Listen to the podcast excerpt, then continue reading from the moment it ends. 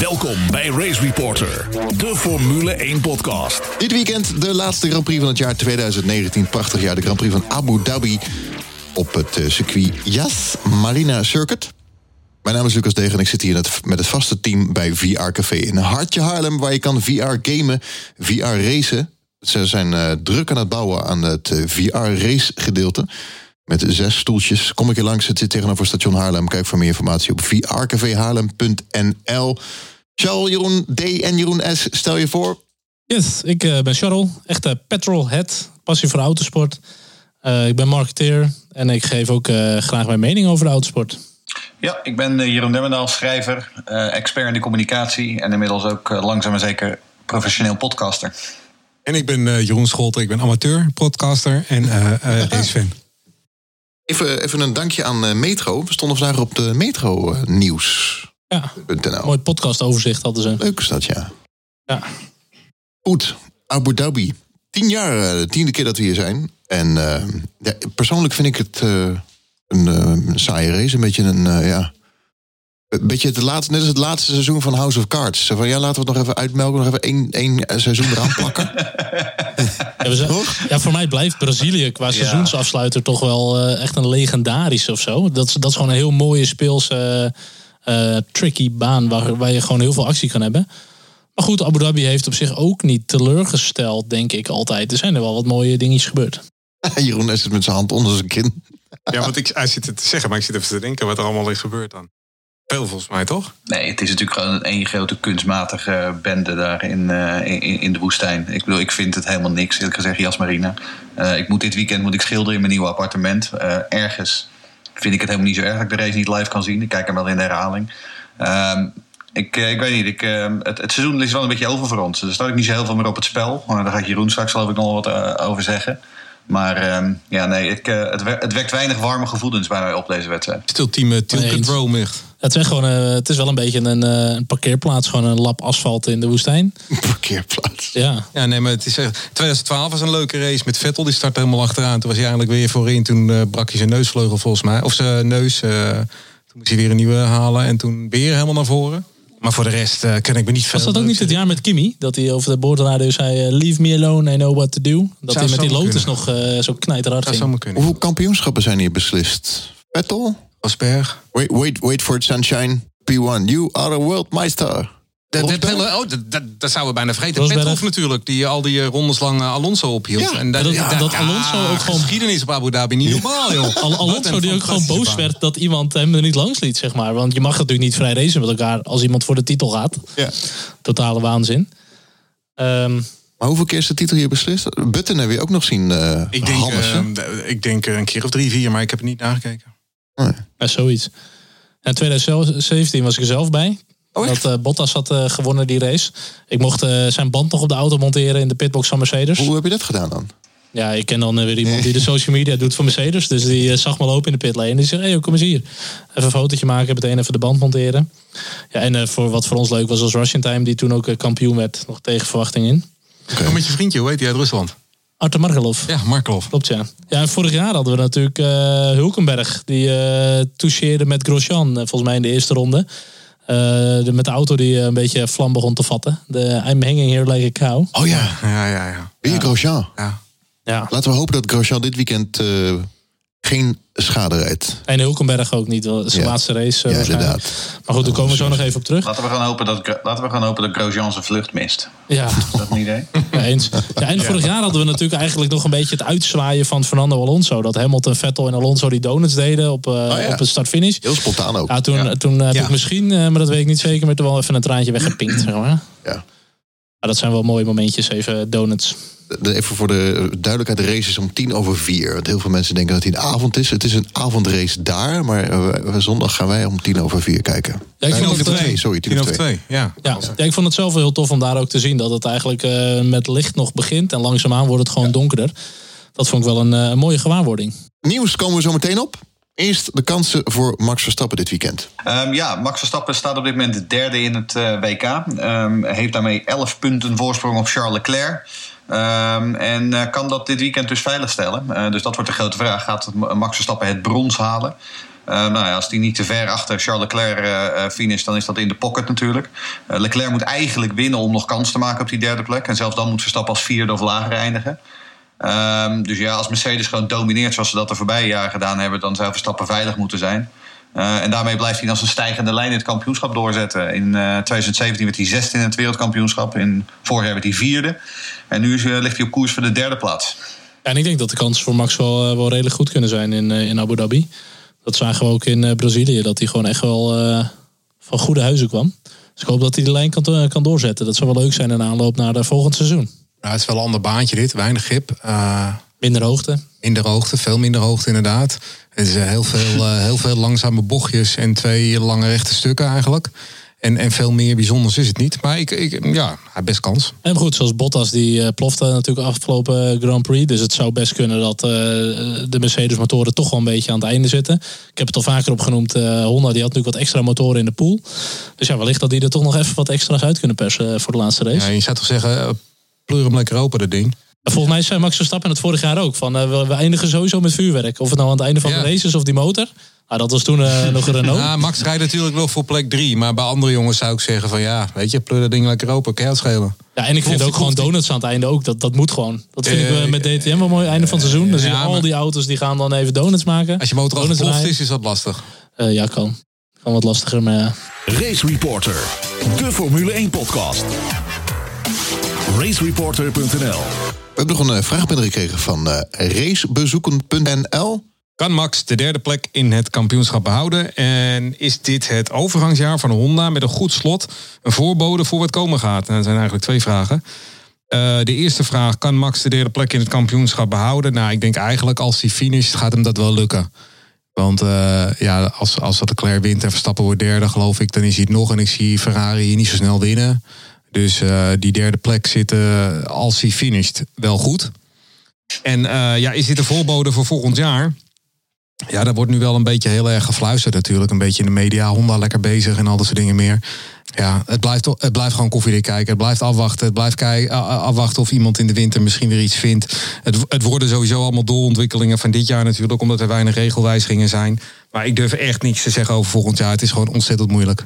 Daar sluit ik me best wel bij aan eigenlijk. Nee, het is toch duidelijk dat Mercedes weer. Uh, ik zie dat. Nee, tuurlijk. Mercedes, dat, ja, Mercedes dat blijft gaat het zeker team. Meedoen. Uh, dat, het klopt het team, absoluut. Ik denk, ik denk, dat Honda Red Bull tweede ook volgend jaar. Ja, sowieso op strategie denk ik dat, uh, dat Red Bull wel voor Ferrari moet kunnen komen. Ja. Nou, als Red Bull Honda als team volgend jaar tweede wordt, dan wordt Max Verstappen wereldkampioen. ja. ja. ja, goeie. Die durf ik al aan hoor. Ja, true. Dan gaan we even op B-Win uh, gaan we even geld op inzetten. Ik had het gedaan op Charles Leclerc dit jaar. 50 euro ben ik kwijt. Ja, tot Goed. ziens. Ja, tot ziens. Ja, het kan nog. Kan nog. dat zegt David Koelt dat ook al. Die zegt dat nog steeds. Ik kan nog steeds wel wereldkampioen worden. Echt hè? Nou, verder hadden we nog een vraag van Liane. Ze zei, je hoort slash leest uh, dat dit jaar het chassis bij Red Bull niet goed is ontwikkeld. Kunnen jullie uitleggen wat daar niet goed aan is? Is nu weer vervangbaar en door wie? Uh, Max is goed in rondes lang dezelfde tijden rijden. Hoe doet een coureur dat? Ja, kijk, wat, het is algemeen bekend dat uh, 2019 een, een uh, ontwikkelingsjaar is voor Honda om, om die stap te maken, om ook te integreren met Red Bull. En ik denk dat dat ook meteen wel de vraag antwoordt uh, over het chassis. Um, in de historie of de afgelopen jaren is Red Bull vooral sterk geweest in de tweede seizoen zelf. Dus die komen wat later op gang. Ze beginnen vaak in Australië met een redelijk kaal chassis. Uh, en vanuit daar gaan ze hem uitbouwen. Um, en dit jaar hebben ze die stap gewoon iets minder gemaakt. Maar goed, je hebt voor het eerst ook een nieuwe motor achterin. Dat is allemaal moet je weer inmeten. Heeft weer andere zwaartepunten, andere vibraties, et cetera. Um, dus ja, dat, dat is denk ik even wat wennen geweest. Um, en is Newey vervangbaar? Ja, natuurlijk, iedereen is vervangbaar. Maar Adrian Newey heeft de afgelopen decennia wel aangetoond dat hij wat goede auto's kan bouwen. Dus ja, wat mij betreft uh, moet Red Bull die absoluut vasthouden. En qua Max, ja, Max is absoluut goed in uh, heel consistent rijden. En ook heel fijn gevoelig. En dat is ook wat ik vaak hoor in de wereld van de Formule 1. Dat Max Verstappen bijna op de millimeter nauwkeurig uh, bochten kan aansnijden. Precies tegen een curb aanzetten. Uh, en dat kan hij zo gigantisch consistent en met zo'n hoge concentratie. En dat is denk ik ook wat Max zo uitzonderlijk maakt. Is dat hij zo'n bizarre autocontrole heeft. Um, dat hij die limiet kan opzoeken. En die kan hij gewoon ronde na ronde kan hij die gewoon blijven aantikken. Goed, vandaag kwam het uh, grote nieuws naar buiten. Waar iedereen op zat te wachten. Als een soort Sinterklaas cadeau in de schoen. Eh, Honda verlengt motorencontract Red Bull Racing en eh, eh, Toro Rosso met één jaar tot eind 2021. Nou, Als het echt een Sinterklaas cadeau was, dan had het voor mij geweest dat eh, Max naar eh, Mercedes was gegaan. Of dat Red Bull met Mercedes zou gaan rijden. maar goed, dit is een prima derde keuze. Ja, kijk, het is inderdaad een leerjaar geweest. Dus na 2020 eh, was al vastgelegd dat ze met de Honda zouden gaan rijden. Maar goed, 2021 was nog niet eh, eh, vastgelegd. En Honda die wilde ook eigenlijk een beetje afwachten van wat gaat er gebeuren met de budgetcap. wat gaat er gebeuren op het gebied van de reglementen. En die hebben zich op dit moment inderdaad vastgezet aan nog één jaar. Ja, en toch is het maar één jaar. Want dat was het eerste wat ik dacht toen ik het las vanochtend. Eh, ik zag overal en nergens op de sociale media Hosanna-stemming over Honda blijft. En toen dacht ik, ja, maar Mercedes heeft eh, onlangs gezegd dat ze blijven tot en met 2025. Eh, en dat is jezelf vastleggen en jezelf committeren aan, een, aan de lange termijn. Ehm, ik moet zeggen, ik, ik, hou mijn, ik hou de kurk nog even op mijn champagnefles, zoals ik eerder vandaag op Twitter schrijf. Ehm, ik hoop dat Honda erbij blijft. Maar het lijkt wel alsof ze toch nog steeds een beetje een wait-and-see mentaliteit hebben. Voor mijn gevoel is dat het ook. Ehm, kijk, ze hebben de motor al gebouwd, maar ze zijn toch wel benieuwd wat gaat hij doen in 2021 met de nieuwe reglementen. Kijk, als, eh, als die, die Red Bull Honda als een dolle gaat in 2021, ja, dan is de kans dat ze doorgaan gigantisch groot. Maar ze houden nu wel eh, een stukje macht aan de tafel als het over onderhandelingen gaat, als het over reglementen gaat, als het over eh, techniek gaat, ontwikkelingen. Dus ik kan me wel voorstellen dat ze niet nu al willen zeggen, prima, we blijven tot 2025. Want dan is eigenlijk ook je hele onderhandelingspositie is gewoon verdwenen. Is het niet ook een beetje een marketing stunt? We blijven! Yay! En dan voor een paar jaar weer. Ja, we blijven nog steeds. Ja, dat zou kunnen. Ja, dat is allemaal marketing. Beetje soldaat van Oranje. Ik wordt elke keer. eh, marketing. Charles wel. ja, soldaat van Oranje. Wordt al twintig jaar wordt hij verlengd. Ja. eh, wegens succes gaan we door. het werkt wel. Het werkt wel. Oké. We hebben nog een eh, vraag binnengekregen van Mike. En die vraagt: Ik snap eigenlijk niet waarom Honda maar één jaar langer heeft verlengd. Hebben de hoge bazen bij Honda toch andere plannen? Ja, dat is net, Charles gaat er net ook al een klein beetje op in. Het is heel moeilijk te zeggen. Eh, het lijkt mij een beetje tijdwinst. Lijkt mij gewoon eh, bijtekenen. En dan kunnen we nog even wat beter en langer over nadenken. Plus we kunnen druk zetten over, over de regels eh, die eraan zitten te komen. Ja, Honda heeft eerder deze week naar buiten gebracht dat het puur en alleen gaat om, eh, om, om geld. Eh, dat het eigenlijk allemaal veel te duur is. En in de huidige regels voor 2021 bespaart er voor een motorleverancier eigenlijk vrijwel niets. Behalve wat, eh, wat, wat eh, testbank eh, minuutjes. Maar voor de rest eh, houden ze er weinig aan over. Misschien hebben ze het advies van Alonso uiteindelijk wel opgevolgd. En dat G- was... GP2 engine. Oh. Misschien gaan ze wel gewoon leveren aan de Formule 2. Ja, maar even, even over Ja. de kosten. Want Mercedes gaf, geeft 440 miljoen uit per jaar, iets dergelijks. Maar heeft Jeroen Demmenau eens gezegd, eh, dat is peanuts op het, op het miljardenbudget wat ze hebben. En een Honda heeft toch ook wel gewoon... De budgetcap komt eraan, dus, dus geld is dan toch niet een rol. Ja, ik geloof, ik, geloof niet dat ik, ik geloof niet dat ik ooit in die context heb gezegd dat het peanuts is. Want ik vind 440 miljoen eh, dollar nog steeds ontzettend veel geld. Ja, ja. Ehm, en ik denk dat ze dat bij Mercedes ook wel vinden.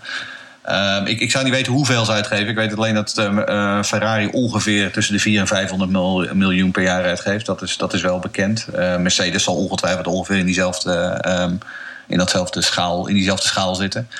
Ehm, maar natuurlijk is het, is het eh, eh, een, een sport en is het een, een activiteit waar je heel veel geld in steekt. Maar ja, juist dan zou ik zeggen, zet nog even door. Want anders heb je de afgelopen twee, drie jaar gewoon voor niks eh, al dat geld in die ontwikkeling gestolen. Juist nu op het Ja. moment dat je kunt gaan oogsten. Ja. Ja, en ik kan me ook wel voorstellen dat, kijk, Mercedes zit al op een bepaald niveau. Eh, die moeten dat natuurlijk zien vasthouden. En uiteindelijk blijven die door investeren, blijven ze doorontwikkelen. Maar Honda is nog steeds bezig met een inhaalslag. En dat is natuurlijk veel duurder. En zodra er een budgetcap gaat komen voor de motoren, dan is zo'n gat in theorie ook weer moeilijker te dichten, lijkt mij. Dus je zou denken, zet nu door. En eh, zorg dat je dat gat gedicht hebt eh, voor 2021. De Formule 1 podcast. Race Reporter. We hebben genoten van de fantastische Grand Prix van Brazilië. Eh, iedereen heeft natuurlijk al zes keer een teruggekeken. Je gaat eh, op de VHS de kast in. Als de race van het jaar. En ehm, hebben jullie de analyse gezien van Jolyon Palmer over de crash tussen Vettel en Leclerc? Nee. Toevallig niet. Want hij, had- Nee. hij haalde er een paar andere aan. We hebben namelijk in Brazilië ook Leclerc gezien. Die ging even opzij en die duwde Le- eh, Norris bijna van de baan. We hebben nog een aantal andere acties gezien. We hebben Leclerc gehad op Bottas in Hongarije. Die raakt elkaar, omdat Leclerc ook nog een beetje Goede analyse in ieder geval. Hoe gaat het verder tussen beide heren? Slecht. Ja, daar, ik geloof daar niet meer zo in. Ik zat even te kijken wat er nou eigenlijk allemaal dit jaar gebeurd is tussen die twee. Maar dit was gewoon het negende incident al dit jaar. En dat had ik ook niet. Ik dacht, nou, derde, vierde. Maar als je gewoon zit te kijken, dan... In Melbourne ging het al mis. Toen, toen gooide Vettel de deur dicht toen Leclerc wou inhalen. Ze raakten elkaar zonder gevolgen. Teamcall kwam. Leclerc hield erin. Bahrein vervolgens. De volgende race dus al. Haalt Vettel Leclerc in bij de start. Leclerc krijgt een teamcall om twee rondes achter Vettel te blijven. Maar hij luistert niet en haalt hem meteen in. China, Vettel is weer sneller dan Leclerc. Die te horen krijgt dat hij Sepp moet laten gaan. Doet hij niet. En gaat de discussie aan met zijn team. Wanneer die Sepp er eindelijk wel langs gaat. En dan zijn de Mercedes al aan de horizon verdwenen. Nou, in Spanje duwt eh, Leclerc eh, Vettel net als in Melbourne weer over de curbs. In Hongarije, nou, de agressieve move van eh, Vettel op Leclerc op het eind. Leverde hem wel een podium op overigens. Singapore, undercut van, van Vettel op Hamilton en Leclerc. Charles vindt het allemaal unfair, want hij is op die manier dus ingehaald. En hij wil weer terug. Toen liep je wel een beetje te miepen inderdaad. Ook, Ja, ja maar dat, de Ferrari wilde dat ze de posities houden en, en, en Vettel wint daardoor de race. Monza, nou ja, Leclerc en eh, Vettel met het, eh, het eh, slipstream-incidentje hè, eh, wat we hadden. Nou, Rusland opnieuw slipstreamen, maar dan in de, bij de start. Vettel die... Positie niet teruggeven. ja, precies niet teruggeven. Nou, en nu dan dit. En vervolgens, na afloop, is het continu van... nou, we hebben erover gesproken en het was allemaal goed. En het is allemaal weer leuk en aardig. En dat hoor je eigenlijk na, iedere, na ieder incident. Maar dat komt echt niet meer goed tussen die twee gewoon. Nou, wat ik wel interessant vond, was ehm, na de Grand Prix in Brazilië schreef Mark Hughes, de Britse journalist die voor Motorsport Magazine reed, of schrijft. ehm, die schreef een artikel waarin hij eh, het seizoen van eh, Mercedes naast het seizoen van Ferrari zette. En hij eh, claimde dus dat Ferrari in principe gewoon een wereldtitel heeft weggegooid dit seizoen. Door al dat geëtter tussen, tussen die twee, door het feit dat ze constant de tactiek verkeerd hadden. En zijn statement, zijn claim was eigenlijk als Ferrari gewoon net zo georganiseerd, ge- georganiseerd en net zo slim bezig was geweest als Mercedes. Dan hadden ze gewoon eh, een wereldtitel kunnen winnen. En dan had op dit moment Charles Leclerc met nog één wedstrijd te gaan met 11 punten voor sta- eh, eh, eerst in het WK gestaan. Ja, dat heb ik ook wel gelezen. Maar ik moet wel in alle eerlijkheid zeggen... dat over het algemeen op zondagen de Mercedes toch wel vaak sterker is dan de Ferrari, hoor. Dan moet ik dat wel eerlijk Hmm. Ja, zeggen. ik Dus ik weet niet of het zo ik 1, vond het wel 2, een 3... Ja, zeker. Nee, maar ik vond het wel een interessante berekening. Want ze hebben wel heel veel wedstrijden weggegooid dit seizoen. Ook door dit soort geëtter tussen die twee jongens. Maar goed, ook met het oog op volgend jaar. Je kan die auto nog zo verbeteren. Maar het blijven Italianen die er aan het roer staan. Met de welbekende dronken Baviaan. Ja, ik zie daar niet heel erg veel verbetering in. Ja, en qua Leclerc en Vettel onderling. Ja, ik ben wel benieuwd of er nog een kerstkaartje naar elkaar toe gaat hoor, op dit moment. Nee, die gaat niet naar elkaar toe. Maar dit is toch geweldig. dit is toch wat we willen zien. Nou, je moet lekker weer Rijkonen nog een jaar erachter hebben. Net als je Bottas met Hamilton hebt. De- de- de- dit is wat we willen zien, toch? Binotto zegt dat er niks aan de hand is. Dus Nee. waar, waar hebben jullie het over? Ja. Het is, eh, Nee, dit is, dit is gewoon heerlijk. Ik Ja, vind het echt is heerlijk. Ik vind het echt super. genieten. Ja. Ja, hoe meer hoe beter. Gaan we nog een, eh, een hoop eh, over hebben, het komende jaar ook.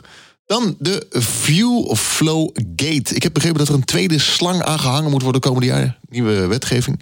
Ja, dat, dat is weer een ander puntje waar we zo meteen voor Ah, nog even op terugkomen. Maar eh, er is in Brazilië zijn wat onderdelen ingenomen.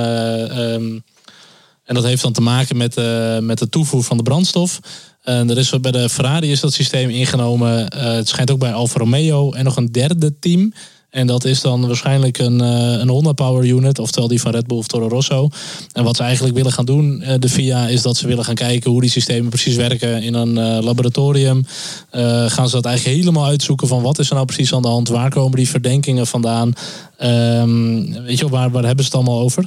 Ja, ik zie niet dat dit op korte termijn naar buiten zal komen. Maar ehm, ja, we hebben wel eens eerder een discussie erover gehad. En ook zoals Jeroen Demmerdaal al zegt, van als zij iets deden wat niet in de regel stond dat het niet mocht, hebben ze in feite niet vals gespeeld. Maar goed, er zijn natuurlijk wat, eh, wat updates geweest in de, in de regels wat wel en niet mocht. Ja, ik ben wel benieuwd eh, of Ferrari echt een trucje had.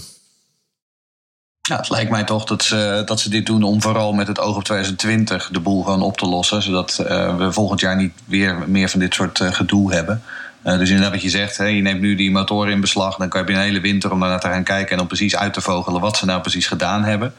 Eh, zodat je inderdaad eh, komende, ma- komende maart in eh, Melbourne eh, weer met een schone lijn kunt beginnen. Ja, hier komt sowieso niks, niks van naar buiten. En goed, dat is ook net met de maas in de wet. Kijk, wat Renault had gedaan met die, eh, met die brake bias, dat ze die automatisch deden. Dat was iets dat was gewoon illegaal. En daar zijn ze dan voor bestraft. Ehm, als je iets hebt gevonden wat echt een maas in de wet is, ehm, ja, dan mag je dat uitbuiten totdat ze zeggen dat het niet meer mag. Maar goed, ja, eh, het kan ook zijn dat ze wel iets vinden wat absoluut al niet mocht. Maar die kans acht ik niet heel groot. Race Reporter. 178 races. De Formule 1 podcast. En 511 punten. 1 pole position. En twee keer de snelste ronde. Hij gaat uh, dit uh, weekend zijn laatste Grand Prix rijden. Ik heb het over meneer Hulkenberg, Nico Hulkenberg, de Nederlands sprekende Formule 1 coureur. En, uh, is het Hulkenberg ja, of Hulkenberg? Hulkenberg. Hulkenberg. Hulkenberg. Hulkenberg. Hulkenberg. Hulkenberg. de Hulk. In goed, in goed de Hulk. De Hulk. De, Hulk.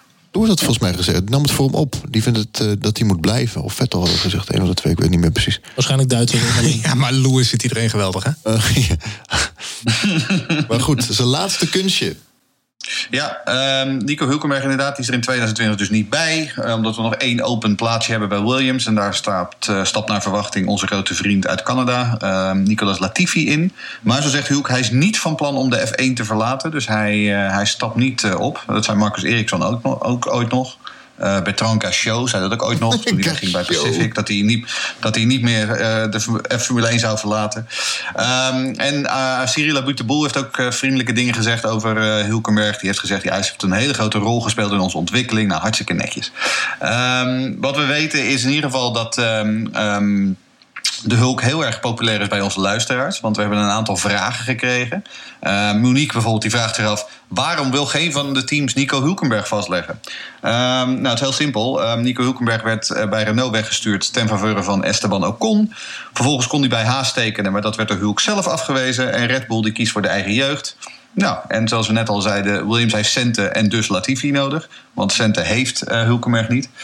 Um, en zien we hem ooit nog terug in de Formule 1? Um, het zou kunnen dat hij zich richt op 2021 natuurlijk, wanneer veel contracten aflopen. En misschien in, die in dat jaar gaan we Pantera of Campos Racing toetreden tot de Formule 1. Misschien dat hij daar terecht zou kunnen. Uh, hoe dan ook gaat Hulk in 2020 niet naast Renus VK in de IndyCar rijden. Um, in tegenstelling tot wat door sommige websites hier in Nederland werd bericht. dus wat hij volgend jaar gaat doen, dat weten we nog niet. maar hij rijdt in ieder geval geen Formule 1. Het blijft eigenlijk wel een, een gek verhaal. Als je een zitje aangeboden krijgt van, van Haas. Ja. Lijkt me niet de meest slechte plek. Want uh, Renault zit eigenlijk ook aan een soort van glazen plafond... waar ze maar niet uh, doorheen lijken te kunnen breken. Uh, het lijkt me gek. Maar op zich, ik zie in Hulkenberg ook nog wel een mooie rol... in de Formule 1 paddock. Alle Jordan Palmer qua, qua analyses bij een of andere grote tv-station. Ik denk dat hij dat ook prima kan. Het, het, is wel iemand die je graag in de paddock ziet. Het is niet een verkeerde, zeg maar. Maar echt, echt een zitje in de Formule 1 auto zie ik niet zomaar mee gebeuren. Ik zou ook niet weten waarom eigenlijk. Er zijn een hoop, nee. de laatste jaren een hoop jonge talenten doorgekomen die ik hoger heb zitten dan hem. Hij heeft exact één decennium in de Formule 1 gereden. Hè, want hij begon op de allereerste race van de decennium en eindigt nu in de allerlaatste race van de decennium zijn carrière. Dat is op zich wel mooi. Maar uh, ik geloof dat hij vijf keer een teamgenoot heeft gehad die op het podium stond. En hij zelf nul keer. Dus hij heeft de kans ook wel gehad, nooit genomen. De, de, de, het slechtste voorbeeld was natuurlijk afgelopen zomer in, uh, in Hockenheim. Daar had hij voor Renault eindelijk dat podium uh, moeten pakken. Ik denk dat hij zichzelf daar ook uh, een hele slechte dienst heeft uh, bewezen bij Renault. Misschien had hij anders dan nog wel een jaartje langer mogen blijven. Als hij die Renault op het podium had gezet. Ja, het is toch een beetje het verhaal van een, een, groot talent. wat er nooit in de Formule 1 eigenlijk nooit echt, nooit echt door heeft gezet. Nee, en je hoort ook wel wat verhalen dat dat hele olijke verhaal. Hè, wat ik wil, hij is natuurlijk in de pers is hij altijd heel olijk en een beetje grap, grapjes maken met de Nederlandse pers. Maar het schijnt ook wel een beetje een prima donna te zijn achter de schermen binnen zo'n team. Dus ik kan me ook voorstellen dat hij. Uh, dat het nog wel een, uh, iemand is waar je, die met een gebruiksaanwijzing. Want ik zeg, het enige wat, ik, wat zou kunnen is dat in 2021, als zo'n Campos of ze bijvoorbeeld Pantera een ervaren man nodig heeft, die zo'n auto kan helpen ontwikkelen, dat ze dan iemand als Hulkenberg vastleggen. Dat zou nog kunnen. Maar ja, hoe oud is hij inmiddels? Hij zal inmiddels ook al wel uh, dik in de 30 zijn. Um, dus ja, weet je, hij heeft ook de leeftijd niet mee. Ik vergelijk het even met een andere coureur. Denk aan Jean Alesi. Die heeft één keer gewonnen Canada. Maar die had veel meer kleur aan ja. de Formule 1. Botte Hulkenberg is wel het voorbeeld dat je in de opstapklasse heel goed kan zijn. En dat is Formule BMW was hij kampioen, in de ANGP uh, Formule 3 uh, Euro Series in zijn tweede jaar. In de GP2 was hij meteen kampioen. Dus hij heeft best wel een goede uh, stap gemaakt richting de Formule 1. En, maar voor mij was hij ooit, maar dat moet je me even corrigeren, is niet zo. Was hij ooit in gesprek met Ferrari, maar was hij daar ook wat al lang voor. maar toen hadden ze hem zelfs daarvoor overwogen. Dat is het verhaal inderdaad, ja. Ik heb het altijd een soort Ralf Schumacher gevonden. Precies, ja. Ja. Of Schumacher, ja. Eh, maar, wel, wel heel, maar wel heel goed voor de Formule 1. Eh, en die nooit helemaal, net eh, wat, wat Jeroen zegt, ongeveer een decennium in de Formule 1 door heeft gebracht. Ja. Nooit helemaal het maximale eruit heeft gehaald. En die daarna ook gewoon gestopt is. Ik geloof nog één of twee jaar in de DTM gereden. En daarna is hij zich op zijn zoon gericht en op management. Ja. Het zou me niet verbazen als Hulkenberg uiteindelijk ook gewoon er helemaal mee stopt. Ja, op een gegeven moment is het ook Want gewoon goed, denk ik. gewonnen. Ja, op een gegeven moment is het ook gewoon goed. Eh, ik zit even te kijken voor de grap. Eh, Ralf Schumacher heeft 180 races gereden en 6 overwinningen. En 27 podia. Ja. Dus het is, zelfs dat gaat niet eens op. Dus Nee, maar die reden iets betere Williams. Maar Ralf was wel succesvol, ja. ja. Ja. Ik zou zeggen, Ralf reed gewoon, reed gewoon in een goede Williams. Ehm, en en eh, ja, had, het, had natuurlijk ook Montoya naast zich. Dus die twee die stuwden elkaar naar uh, grotere hoogte. Ja, precies. Maar als je nou toch ook gewoon, weet ik veel, wat was het, 176 races hebt gereden in de Formule 1. Ik zou niet één actie weten waarvan ik denk van nou, dat is maar een actie van Hulkenberg. Alleen maar denk je aan de, aan de leuke gast. Ik vond wel, eh, dit jaar op Hockenheim was vrij pijnlijk natuurlijk. Dat hij dat is op een heel pijnlijk, maar- maar bedenk nou eens- bedenk nou, behalve die- toch weg. Weet je, oh, zo hadden die ene pole op eh, in Brazilië. En voor de rest, wat, wat, wat kan je nou herinneren van, die, van Hulkenberg? Ik heb geen idee. Niks wat eruit springt. Het zak mijn bal Geen niet. pieken? Met, eh maar verder niks. Ja, dat was neg- Kevin Magnussen. Ja, met Magnus het niet niet. negatief over hem hoor. Dus verder aardige gast en alles. Ja, leuke inderdaad gast. Geen Nee. Goed, tijd Geen voor eh, vers, vers bloed. vers bloed inderdaad. De Formule 1 podcast. Race Reporter. Kijk even naar de WK-stand. Waar gaat het nog om? Wat, wat, waar moeten we naar kijken zondag? Nou, dat is wel ontzettend spannend inderdaad. Om, om plek 6. Twee, twee mensen op, eh, op 95 pu- punten. Pierre Gasly en eh, Carlos Sainz. Gasly heeft natuurlijk een halfjaartje in die Red Bull gereden. Dus daar heeft hij de meeste punten van gehaald. Maar stond wel eh, op het podium hè, twee weken geleden. Dus wie weet.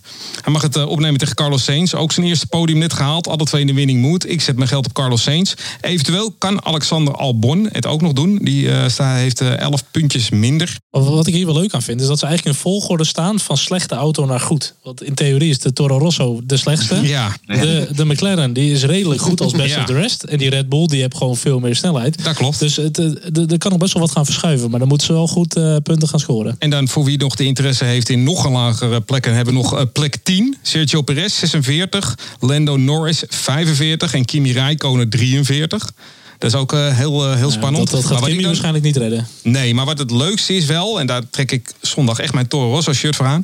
Toro Rosso heeft nog acht punten nodig om het grote Renault in te Ja, halen... ja, in de strijd ja, ja. om de constructeurs. Ja, als dat gebeurt... Dat is gewoon karma.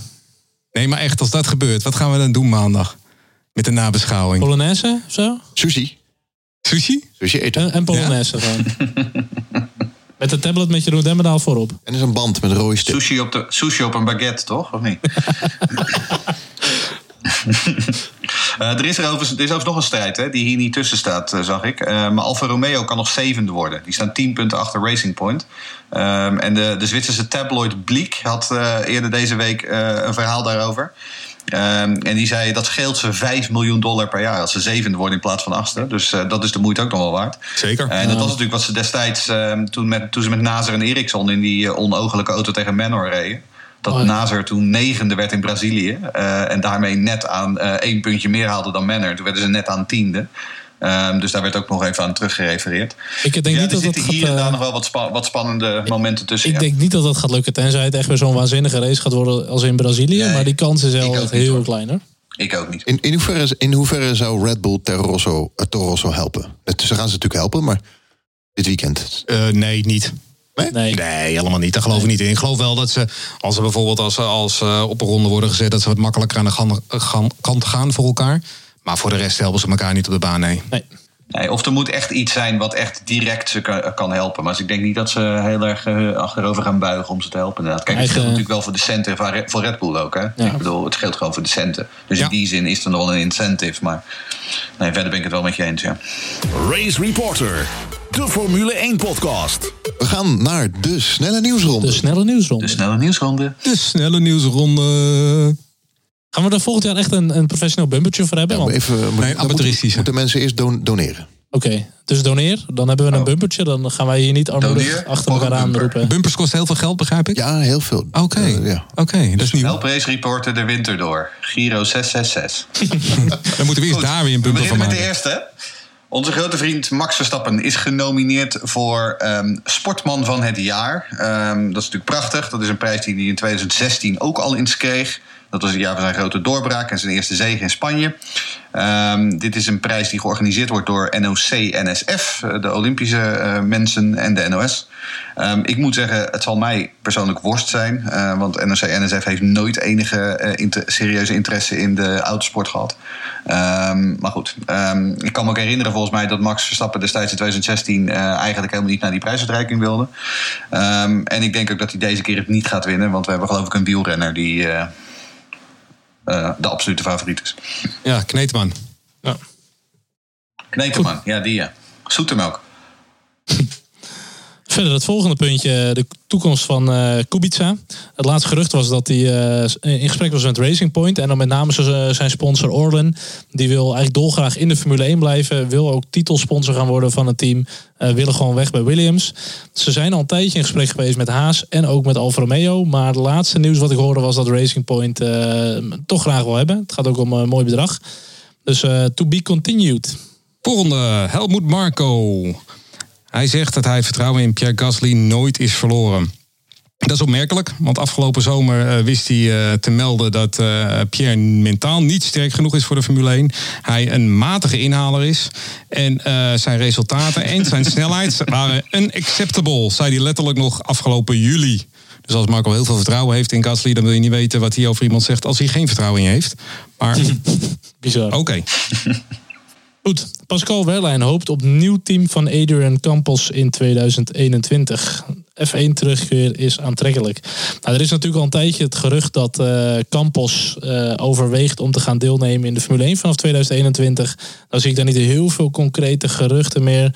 Maar goed, die hebben dus wel uh, Pascal Wehrlein, die ze dan waarschijnlijk als coureur willen gaan inzetten. Maar dan moet het wel, het moet niet om de achterhoede gaan.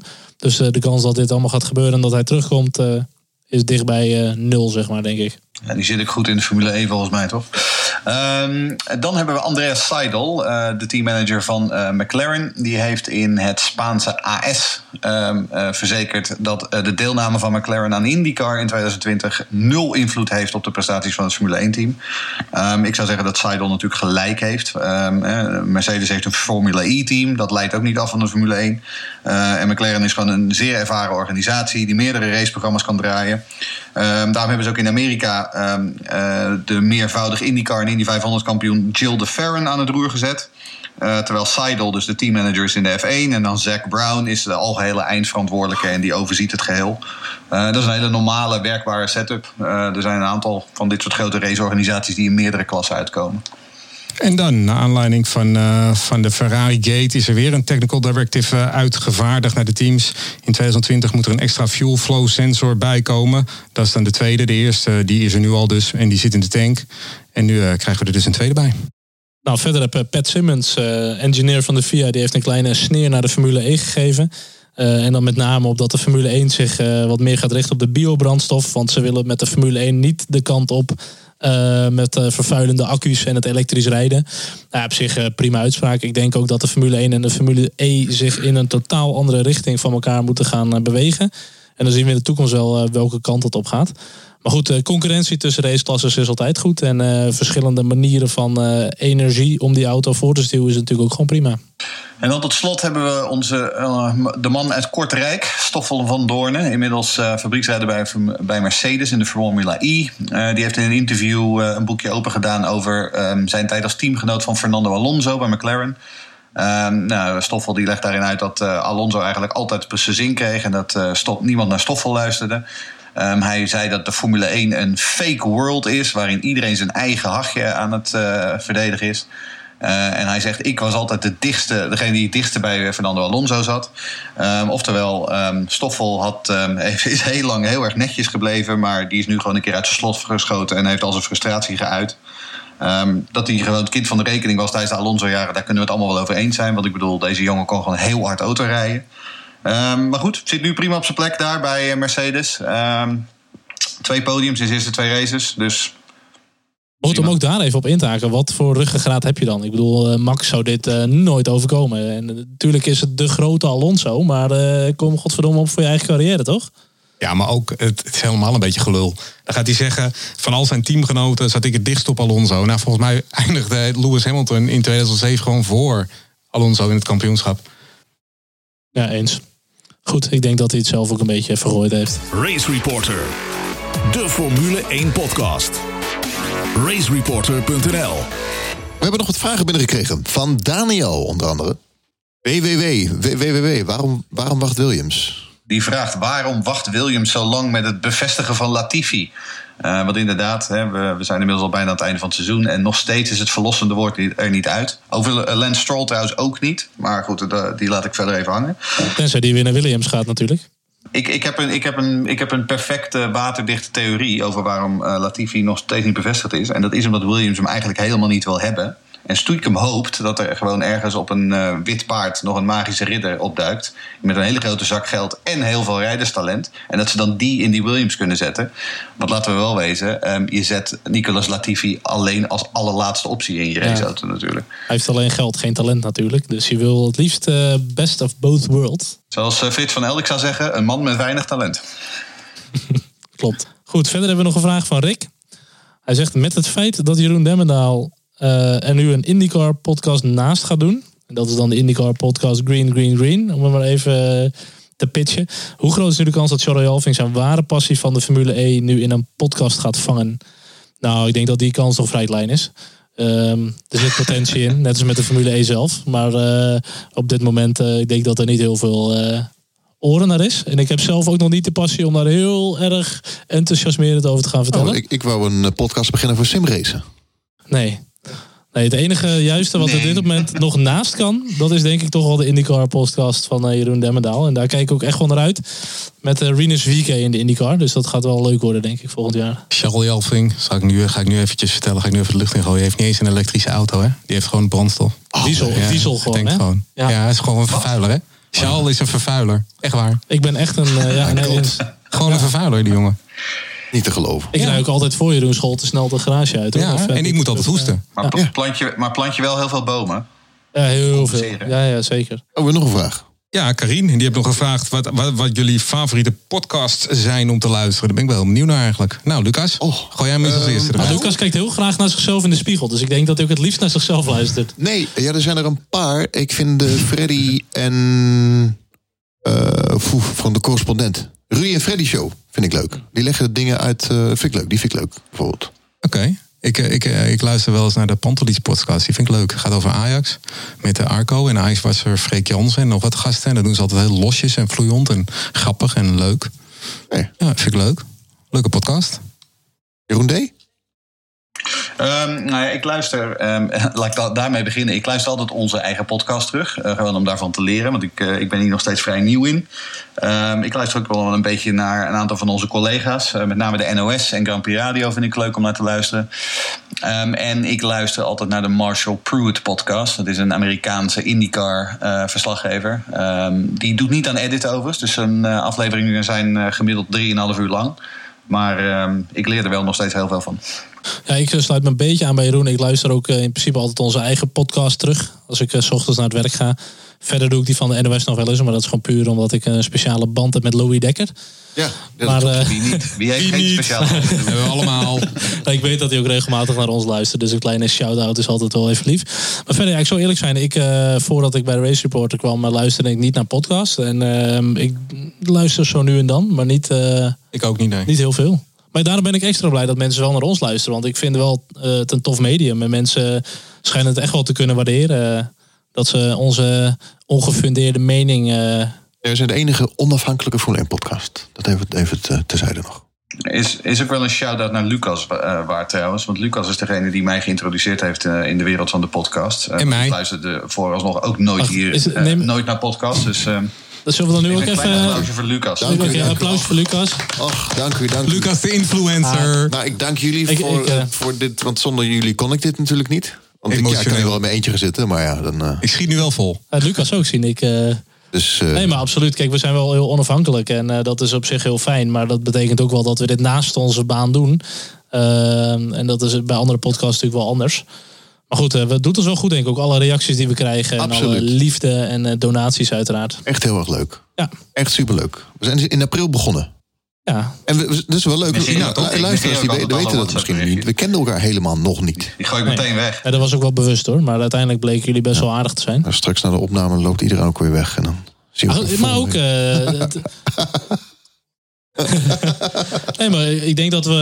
eh, en- en dan niet om onszelf een schouderklopje te geven. Maar ik denk eh, ook op technisch vlak en zo. Ja, hebben we best wel stappen gemaakt. En eh, ook eh, in het draaiboek en alles. Ja, ik denk dat er nog wel ruimte voor verbetering is. Maar er is een hoop verbeterd sinds onze eerste aflevering. Ik, ik denk dat zon- zonder onszelf een schouderklop te geven... dat we toch wel de beste zijn. Ja, nee, dat zeker. Ja, dat zeker. maar dat is Ja. gewoon. eh, dat, ja, Ja. ja. Race Reporter. De Formule 1 podcast. Voorspelling voor dit weekend. De 1, 2, 3 en de nummer 10. Moeilijk dit. Eh, nou, ik ga voor eh, Verstappen wordt, eh, wordt eerste. Pakt ook pole position trouwens.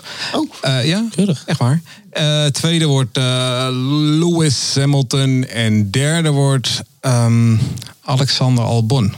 Eh, tiende, dat is eh, Daniel Ricciardo. Ehm, ik denk dat eh Valtteri Bottas gaat winnen. Eh, dus dan krijg je een mooi boekend. Die won de eerste en die won de laatste wedstrijd van het seizoen. Eh, Hamilton wordt tweede. Max Verstappen wordt derde. Ehm, en in zijn allerlaatste Grand Prix eh, gaat Nico Hulkenberg tiende worden. Oké. Ik denk dat Lewis Hamilton eh, toch wel gaat afsluiten met een winst. Max Verstappen tweede. Valtteri Bottas derde. En Checo Perez eh nummer 10. Pak nog een puntje. Leclerc wint. Dan Lewis. En dan Vettel. En tiende wordt, eh, ik zeg het eigenlijk iedere keer, Norris. Oké. Ja. We, we gaan ook eh, de, de voorspelling weer even op Twitter plaatsen. En, eh, en dat is wel even leuk, want ik ben ook wel benieuwd naar de luisteraars. Eh vorige weekend hebben we dat voor het eerst gedaan. Eh, toen waren we even wat later, toen was de kwalificatie al geweest. Dus we hadden het zo wat makkelijker gemaakt. Maar dit, eh, dit keer willen we het eigenlijk voor de vrije training ook online hebben.